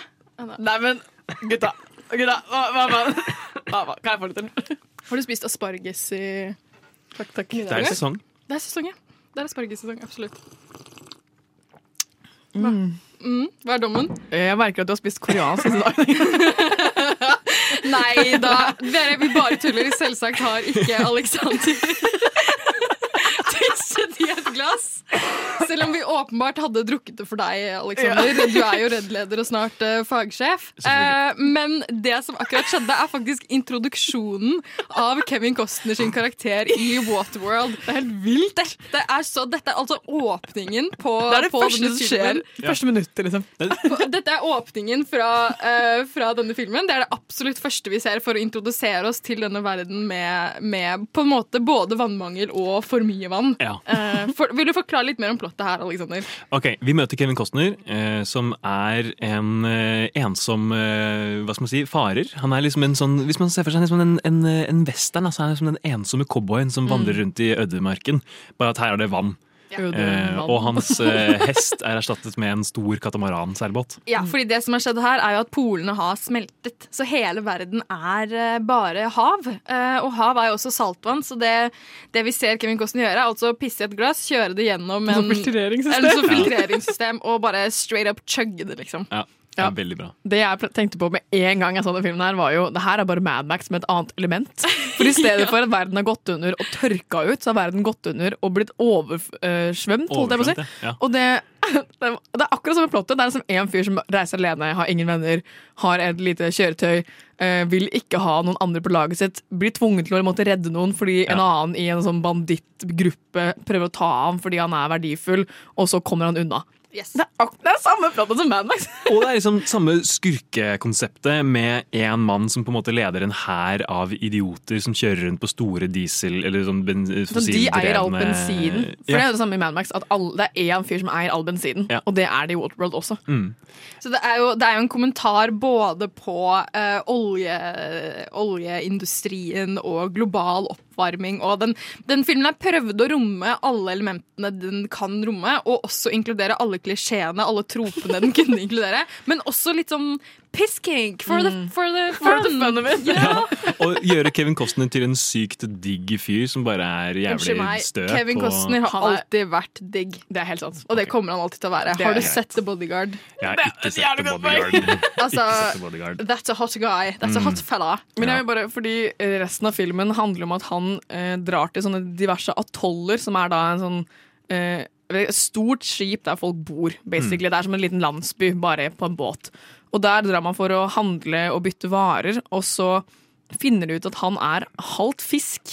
Eller en sånn fiskemutant. Ja, han Mm. har sånn webbed feet og gjeller, og, og veldig, han kan se godt under vann og sånn, så han er basically et annet type menneske. Det er mye, mye Også, zooming på føttene. til Veldig mye Eh, fotgreier Mulig her. fotfetisj, eh, fotfetisj og pisking. Helt korrekt. Men så blir han i hvert fall tatt til fange, og så er det en annen dame der som er sånn Hvis du hjelper oss å flykte fra det atollen her, så hjelper jeg deg ut av buret. Og han er sånn Ja vel, få gjøre det, da. Og så innser han at hun dama har med seg en bitte liten jente, og hun har liksom kartet på ryggen sin til Dryland, som er det eneste tørre området i hele, på hele jorda, liksom. Yes. Som ingen finner. Mm, alle bare 'det er en myte'! Det det ikke, verden er bare våt. Ja. En veldig god, god drikkelek er å se denne filmen, drikke hver gang det er en potensiell kink eller fetisj, eller hver gang de Du sier dryland. da blir du Ja, sørpa det i løpet av denne filmen. Eller hver gang Kidden? Eller hver gang Oh my god. Ja, oh my god, den kiden. Jeg Ok, vil kjør banke henne hver gang jeg ser henne. Hun er så irriterende. Det er sånn, ja, ok, Hun har kartet på ryggen, alle vil til land. Men når de finner Dryland, spoiler, så er det jo det største landmassen har i mitt liv. Det er jo Ja, store ja. fjell Det og er jo daler. Og, ja, liksom. det er jo, Ja, ja. Hva Det er faen, men har ingen funnet det. De har jo fly! Og så er det ingen som har funnet det før nå, sånn tilfeldigvis på slutten. Ja, What, out, out. Så, så det, vi får egentlig ikke vannskrekk av denne filmen, vi bare hater barn. Det er godt. Eh, og det er jo også et sånn vakkert, eh, vakkert øyeblikk i filmen hvor Kevin Costner blir litt lei denne ungen. på et tidspunkt. Tar henne i nakken og bare pælmer henne i havet og sier 'du snakker for mye'. Ja, Vær stille på deg. Jeg vil ikke høre på deg. Men samtidig, man blir jo litt redd da, for at det her kan være en, en, eh, en framtid hvor på en måte verden er såpass oversvømmet at eh, det man blir redusert til å leve på vann og måtte overleve på den måten. Absolutt. Men, men samtidig så er det sånn at alt havet i denne filmen ser ut som et sånt fantastisk vakkert eh, eh, sånn eh, for- storm. Turkis, Mm. vann hvor du kan liksom sole deg. Og de, de kunne gjort en bedre jobb med å faktisk vise det mørke og det vonde og det vanskelige, Ja. eller det skumle, i, i vannet. Men det som gir meg vannskrekk med den filmen her, er jo han eh, For han er jo halvt fisk, han Kevin Costner. eller hva, hva faen. Eh, de har latinsk navn på han og greier. Men han tar jo med seg hun ene dama ned i en sånn dykkehjelm. For hun er sånn 'Dryland fins, jeg vet at Dryland er der'. 'Hvordan kan du si at det ikke fins?' Han er sånn 'fordi jeg har sett det ordentlig i verden'. Og så tar han med henne liksom, under vann, mange mange hundre meter, der de kan liksom se den gamle sivilisasjonen som har blitt drukna av denne floden. Da. Og da ser du liksom vanlige bygninger og um, sånn derre um, eh, satellittårn og liksom Mm, alt det vi verden. Ja, en moderne verden som vi forbinder Som vi lever i nå. Ja. Og hun er sånn wow, Altså sykt! Uh, alt er under vann. Og det, er- de, er, de er så jævlig langt under vann nå! Det er ikke bare sånn et par meter, det er hund, flere hundre meter. liksom Og det er usannsynlig. på en måte. dritskummelt! Ja, det er helt usannsynlig, men det er så- altså sånn Shit, ass. Hva om alle vi bare hadde drukna, liksom? Så det morsomste med denne filmen er jo at den heter Waterworld. Det er jo så bokstavelig du får det det. går og, at, og at målet er å finne dry land. Det, det er veldig, veldig morsomt. Men jeg føler vi er nødt til å touche inn, innom liksom, skurkebildet oh, i denne filmen. her, det har vi ikke snakket om.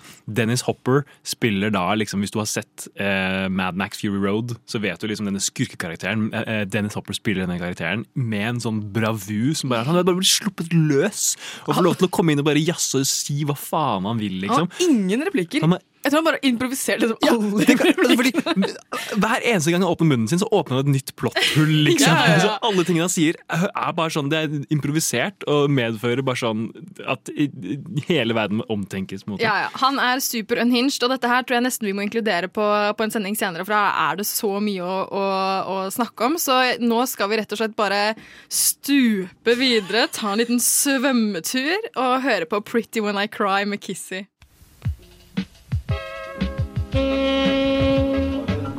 Alle tre, og så kommer Edmund og bare What the fuck? Har du sett Parasite? Ja.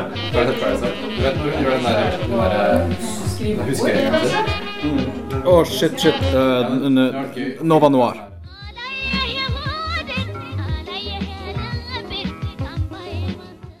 Yes, da går vi videre i vårt vannskrekktema for eh, kvelden. eh, Eller egentlig morgenen. Eh, vi skal snakke om Dunkerque. eh, og Dunkerque er jo en film av Christopher Nolan med en rekke kjente fjes og ukjente fjes. Som handler om evakueringen på Dunkerque-stranden i 1940, hvor over 300 000 soldater ble evakuert over til England.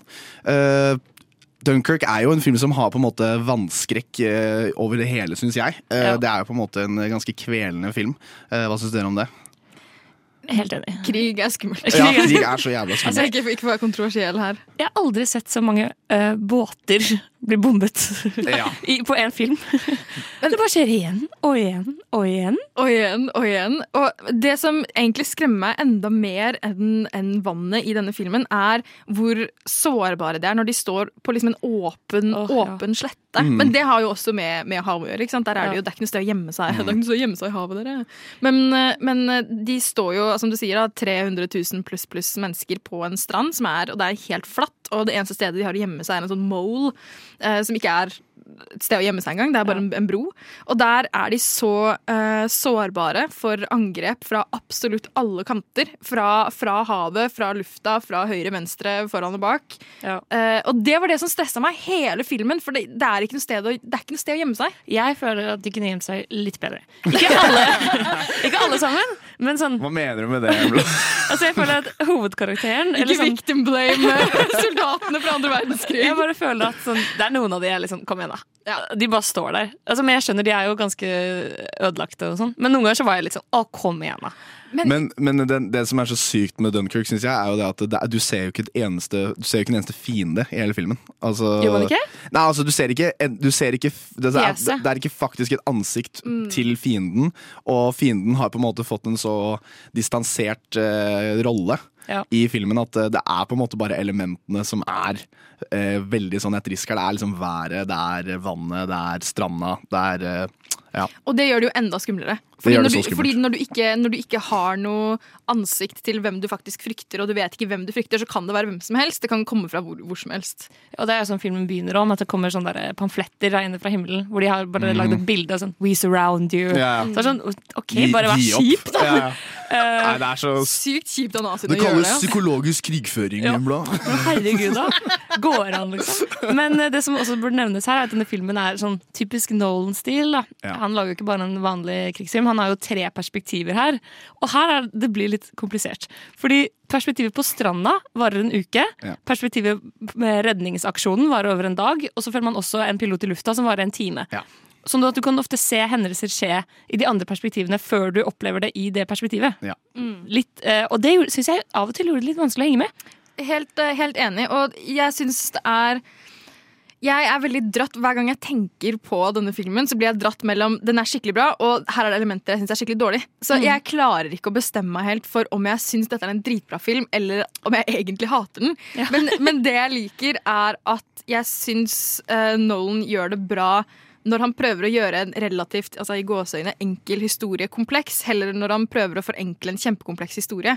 Så det syns jeg han gjør veldig bra, er at han Men kanskje det bare er fordi han ikke har noe dialog å fucke opp, liksom, for det er så sykt lite dialog. Ja, det er derfor jeg tror dette er den Jeg, jeg syns dette er en av de beste krigsfilmene i noensinne lagd, egentlig. For at det er så, den er så strippa ned til bare noen veldig få elementer. Og så er det nok kanskje min favoritt-Nolan-film også eh, akkurat fordi at det er faktisk så lite elementer til det. da At Mm. det er bare egentlig det er, det er lagt opp til bare den rene filmskapingen, på en måte, og depiction, som eh, er liksom i sentrum. Men jeg føler et veldig stort problem igjen da med at den er så strippa ned, er at jeg blir ikke glad i en eneste karakter. Jeg blir litt glad i en kid. eh, eh, som på en måte bare er på en båt hele tida. Så man blir litt sånn ah, han er søt. Han, jeg begynte å gråte av han. Ja. Jeg, det det såra meg veldig. Jeg vet ikke om vi skal spoile den. Altså, nå har den vært eh, ute noen år, så kanskje folk burde, burde tåle det. Ja. Men dette er jo en, en, en, hvis vi tenker på han samme, en ung Ja. gutt som har, eh, har en, et ønske om å gjøre et eller annet for å bli husket. Fordi han ikke gjør det så bra på skolen, og så har han en liten sånn tale om at jeg vil bare gjøre et eller annet som, som gjør at pappa vil være stolt av meg. Eh, og så ender det opp med at han, han dør rett og slett med et uhell fordi en, en eh, hva heter det, shell... eh, Shell-shocked. shell-shocked, eh, soldat Dytter som, han, ja. som dytter han i frykt. Eh, Så han dør på en måte med et uhell. Så den prøver jo der å vise noe veldig viktig som er PTSD, da. Um, og hvordan, hvordan det ikke alltid ser helt sympatisk ut Mm. når du har vært i krig, og at krig ikke er heroisk og vakkert. Jeg vil også ikke spoile dette, her, men dette her er en film hvor Harry Styles er med, som er ute med sitt nyeste album akkurat nå! Som vi skal Nei. Det var så distraherende at han var casta. Ja, Hvorfor? og han, han- overspiller. Ja, Han overspiller. men han, han, det er jo eh, Jeg tror det var på en måte hans tidligere forsøk på å være med i filmen, for nå er han på en måte Nå prøver han å bli litt sånn actor-singer-fyr. Ja.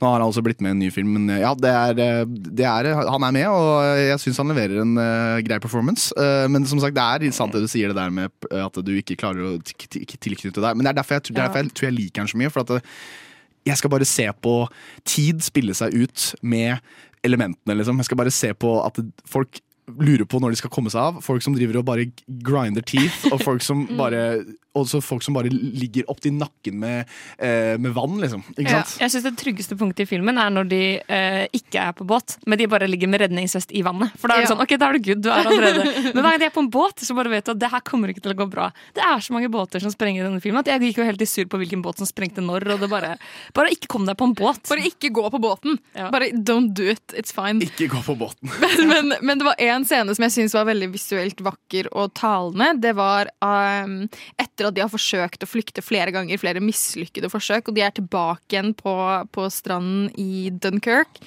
Så ser du, Da sitter disse soldatene i stillhet på stranden, og så ser du um, en annen soldat som bare går ut i vannet. Mm. han, han bare går ut og drukner seg selv. Mm.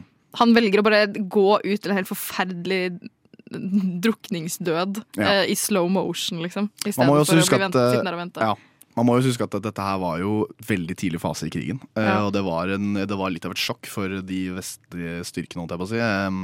De allierte styrkene.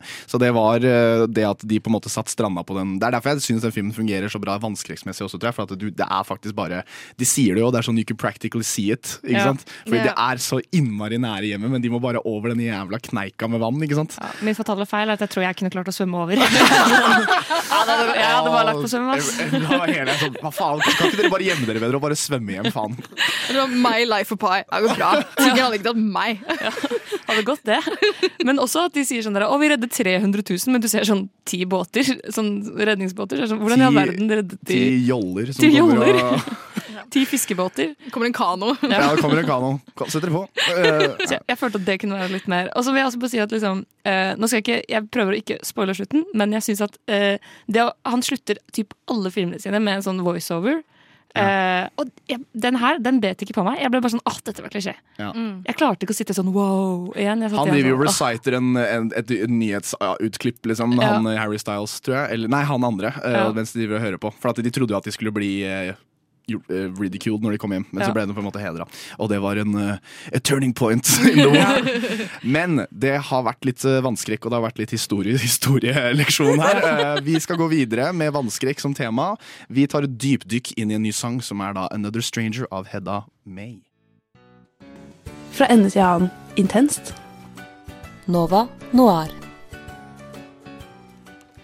Ja, som dagens sending går, så har vi bytta litt hvem som sitter her i studio. Det er meg, Hanna, sammen med Karin og Oda. Du Hallo, er her fra forrige stikk. Jeg Vi blir aldri kvitt deg. Du bare er her forever. du bare sitter her. Dere skjønner, Det som skjedde, er at eh, Oda satte seg på litt superlim, så vi får yeah. ikke fjerna henne fra studio. Så vi bare har henne med videre. Så eh, det blir veldig Jeg lurer på hvem som kommer etter oss i dag. Ja, det lurer jeg også på. Jeg får bare bli med der, da. Jeg er med i sendingen videre. Eh, Temaet for dagens sending er jo vannskrekk. Vi har snakka om mange forskjellige filmer i dag. Vi har kanskje ikke snakka like mye om barnefilmer, og det er det vi skal gjøre nå. Vi skal snakke om eh, Oppdrag Nemo, Finding Nemo, eh, og hvor mye vannskrekk den ga oss da vi var barn. Mm. Um, Denne filmen starter jo med masse mord. gjør Eh, Den gjør det på ekte. Um, fortsetter med kidnapping, eh, og ender opp i en sånn rar um, klaustrofobisk eh, fiskenettscene der man eh, tror absolutt alle kommer til å dø. Den er jo havskrekk på eh, på måte omvendt måte av hva vi har snakka om eh, Ja, for det er før i skrekk for å komme ut av vannet. Framfor Ja, å dette fisk- ned i vannet. Ja, det er fiskens ja. skrekk istedenfor uh, vår drukneskrekk. Eh, ja, hva var det dere syntes da dere så denne filmen første gang? Fikk, ble dere like redd for den der sabelfisktingen? Jeg øh, syns det er veldig stor variasjon i hvordan de har animert fiskene. For noen av fiskene er Er det det som skremte deg? Er dritskumle. Men, så, så, ja, men, den første fisken som begår massemordet av alle Nemo sine søskenegg, øh, den fisken er så skummel. Jeg, jeg skrev det i notatene mine. Jeg så den. Jeg bare, Dette er kjempeekkelt. Jeg hater fisk. Men så har vi, men så har vi Willem Defoe-fisken, som er sånn kjekk. Er det den derre Det er den svarte med hvite striper. ja, den der med Det er en- i ansiktet. Det er en Ja, hot det. fisk. Er det Willem Dafoe? Det er Willem Defoe som har Jeg har bare stemmen. sett det på norsk. Ja, og, og siden jeg ikke har nevnt Jack Nicholson enda på, på sendingen i dag, så fikk dere med dere Jack Nicholson-referansen? Når Det, er en- det er en scene hvor uh, Er det eh, sånn Here's Johnny-type? Yes, det er akkurat det de sier. Er det? Yes, den, ene, den ene haien sier 'Here's Johnny' når han eh, jakter på det mm. Stemmer det. Og jeg satt der og bare, jeg bare Dette er min måte hvordan kan jeg inkludere Jack Nicholson i denne sendingen? Det er eneste grunn til at Oda har lyst til å snakke om Oppdrag Nemo, er fordi hun har enda en mulighet til å snakke om Jack Nicholson. Ja, måtte, bare, måtte bare utdype det. Det som skremte meg mest med denne filmen, her var eh, For eh, stakkars Nemo er jo litt handikappa. Han har jo bare, litt, ja. han har jo bare en, en og en halv sånn finne. Så han er litt redusert på den ene siden. eh, og så begynner han på skolen, og så blir han litt mobba, men han prøver liksom å få seg venner. Og da er det en sånn eh, lekeplass le, eh, Hva heter det? Sånn eh, game. Der de skal svømme ut av det derre um, korallrevet Mm, de bor i, og ta på en fiskebåt. Eh, og da må du svømme. Ja, touch the butt, riktig. Mm. Og da er det sånn, han må svømme jævlig langt ut av det jævla revet, ut i liksom åpent farvann, og ta på den jævla båten, og så har han liksom redusert svømmekapasitet. Alle venner bare står og ler av han. Og Mar Tja, venner de møttes fem minutter tidligere. Det er jo Ja, sånn- små shits. Små drittunger eller blekksprutjenta som bare er sånn, sitter og fjerter blekk. Men jeg synes det var dritskummelt, Fordi det er sånn, revet er jo trygt og koselig. Og liksom sånn, De har masse gater og trafikk, liksom. Og så svømmer de i åpent farvann. Og jeg var sånn, bro, det er dritskummelt! Det som skremte meg um, mest, er egentlig familiære relasjoner, fordi Maren Hva store ord. Hva er det? Fordi faren til Nemo mistet jo da alle barna sine bortsett fra Nemo, eh, og Nemo ble skadet. Det er derfor den ene finnen hans ikke har vokst i full størrelse. Og han mistet også kona si. Og på grunn av dette så, så liksom eh, putter han alle sine frykter på Nemo, så Nemo blir alltid bedt om å være forsiktig. Han kan aldri, han kan aldri eh, gjøre noe som potensielt kan være farlig, sånn at ingenting kan skje med han. Han er kjempeoverbeskyttende. Og det er jo det som er så, så fælt, fordi det er jo det som også hindrer han i å eh, få til mange ting på reisen for å finne Nemo. Er jo det at han ja, ikke sant? dritredd. Jeg, jeg tolker inn i liksom far-sønn-relasjonen her. Ja. Det var det som Ja. skremte meg. Men eh, hvordan er det du i liksom det tolker um, rollen til Dory? Er det bare da at hun er for dum til å Eller bare glemmer å være redd? Nei, Dory hun, Jeg syns hun sa noe veldig fint, fordi de var fanget på et punkt inne i munnen til en hval. Uh, og så sier, så sier Malin deep. Hashtag deep, hashtag Moby Dick. dypt farvann. hashtag Moby Dick. Men um, uh, da sier hun Nei, da sier Malin til henne at uh, jeg, må, jeg må passe på han så ingenting skjer med han. Og så sa hun ingenting skjer med mener, da skjer jo ingenting. Altså, noe må jo skje. Eh, og så stoler hun på intuisjonen sin, så hun sier vi må bare svømme inn, lenger inn i, i hvalen for å komme oss ut. Eh, og så har Malin et, et sånn vakkert øyeblikk, eh, et omveltende øyeblikk for han, hvor han, hvor han Jeg ble kjemperørt. Hvor han eh, sier at nei, vi kan ikke svømme inn, Fordi hvordan vet du at det ikke er farlig? Og så sa hun det vet jeg ikke.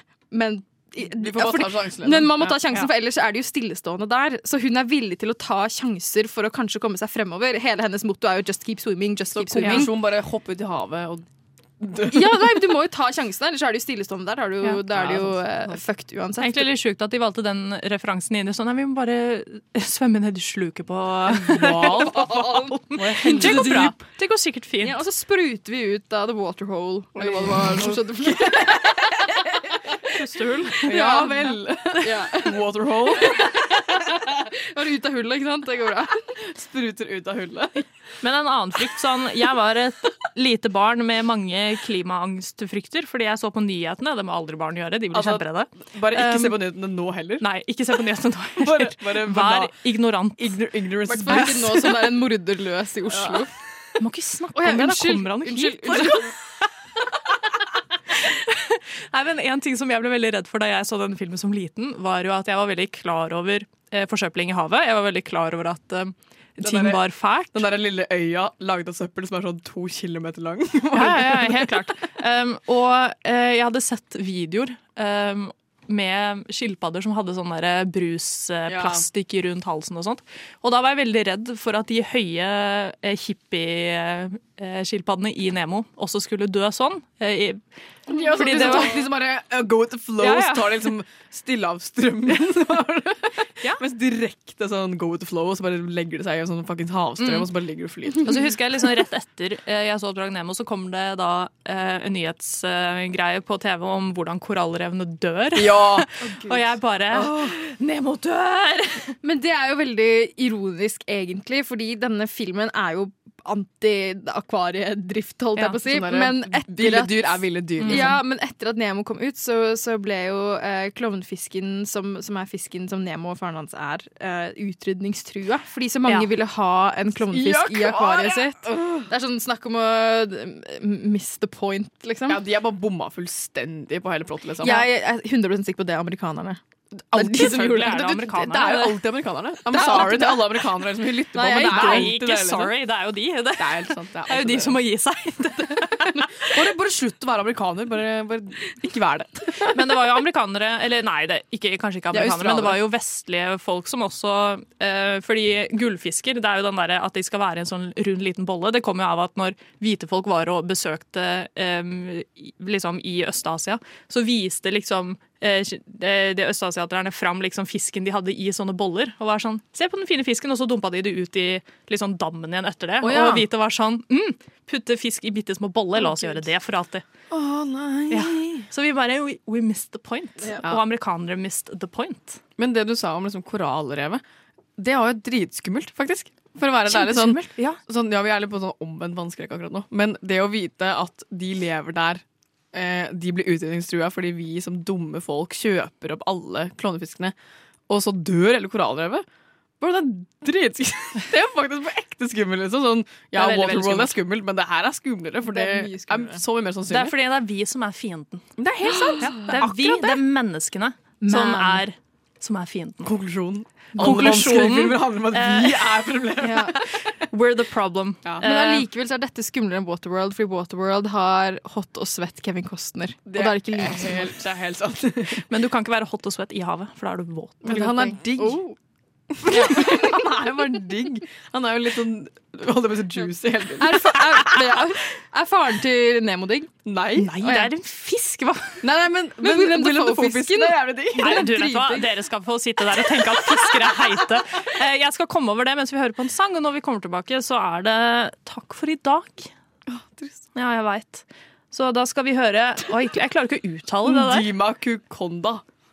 Anjimi. Vi får et nikk, eller Yes. Karin får et nikk av tekniker.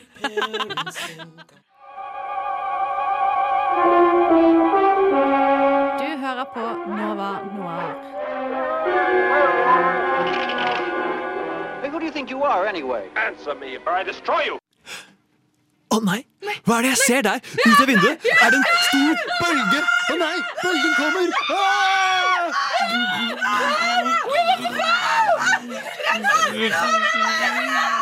Jeg drukner!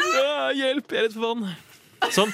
Eh, det var gøy å spille ut denne lille scenen her. Eh, vi håper at ikke vi har skremt deg, kjære lytter, for mye med denne sendingen her, hvor vi har eh, snakket om filmer som potensielt kan gi deg vannskrekk. Eh, ja, og så håper vi at vi har inspirert til å eh, se litt film da, i løpet av sommerferien. Det kommer jo nok av dårlige hverdager som man kan bruke på å sitte inne og se Nei, gjør du det? Waterworld, Vet eksempel. du det, eller bare er dette oraklet i deg som Jeg har snakket med Kristen Gislefoss, og han eh, bekrefter dette. Men har du snakket med Snåsamannen? Han er død. Å ja, der er han! Ja, ja. Vent, vent, vent, vent, vent, vent. Når døde Snåsamannen? Han, eh, siden, ja, han glemte en, en Grandiosa i ovnen, for han ikke varme den selv. Han drukna. han brant. Han drukna. Wow. Han drukna. Jeg er litt sånn Snåsamannen, for jeg heala jo ryggen til onkelen din. Du er jo eh, litt stemmer det. Fordi Du er litt Snåsamannen. jeg er Snåsakvinnen. Gjøvik-kvinnen. Gjøvik-kvinnen. Ja, Kall meg. Snåsakvinnen fra Gjøvik. Gjøvik-gal. Fy faen. Men Det, det det, er mulig å drukne i Gjøvik eh, i Mjøsa også. Ja, Mjøsa er jo Norges største innsjø. Det er helt korrekt. Så altså, don't try me, sier jeg Det er mye gjedder der. Kanskje de spiser det. Ah, Og, og skibladner. skibladner er også Det høres veldig skummelt ut. Jeg liker at det bare blir kjørt over et damplokomotiv. Vaselina. Dere, er dere fans? Jeg er blodfan av Vaselina? Ja. Ja, eh, Bro, alle fra Mjøsområdene og Mjøsbygdene, altså Oda og meg, elsker oss Det må man. Det er obligatorisk. Det må man. Ok. Kult. Husk å ikke drukne, husk å ikke drukne i Mjøsa, da. Det er egentlig. Ikke gjør det. Drukne Mjøsa. I- Ikke, ikke gjør det. Fint sted på. Gjøvik. Fint sted på Gjøvik å bade. Bråstadvika. Det er fint, Det er et eh, hot tip til alle dere Gjøvik-lyttere der ute. fint badested. Eh, det er veldig kult. Da Skal dere bade mye sommer, eller? Nei. Jeg skal det. Jeg elsker å bade. Ja. Jeg kan, Ah, ja. kan du kalle meg Kevin Costner, for jeg er webfeed? Nei. Nei, jeg, jeg elsker å bade. Jeg bodde ved Båndtjern i fjor sommer, og jeg tror jeg var der hver dag. Det var helt vilt. Jeg var sånn, Nice. jeg skal bade every day. Love it. All day, every day. Hva med deg, Odan? Du er ikke så glad i å bade? Mm, blod. Jeg, egentlig, egentlig så, Det var meg som kom opp fra vannet. Um, jeg liker å bade. Jeg liker å nattbade. Oi, Nattbad er veldig gøy. Men Inkluderer Eh, det nakenbading, eller bare Du må være naken når du Ja, nattbader. Ja, det det så du kan ikke være med en sånn for stor gjeng, kanskje. Og det er derfor du må være på natta. Hvis du ikke ser alle. Hva med morgenbad? Tør du å bade om natten nå som du har sett The Lighthouse? da? Ja, jeg håper jo at jeg møter Willem Defoe. Eller den havfruen? Altså, den jeg vil heller møte? Robert Pattinson. Jeg skal være ærlig. Nei. Jeg vil heller møte han. Han er Nei. mye diggere. Han er creepy. Nei. Ah, Robert Pattinson skremmer meg. Han Hva? skremmer meg. Robert Pattinson-skrekk. Er det det er ikke tema for denne sendingen. Det er ikke tema, det? Nei. Nei, det var vanskelig. Var det. Sånn var det. Faen, sånn. Mm.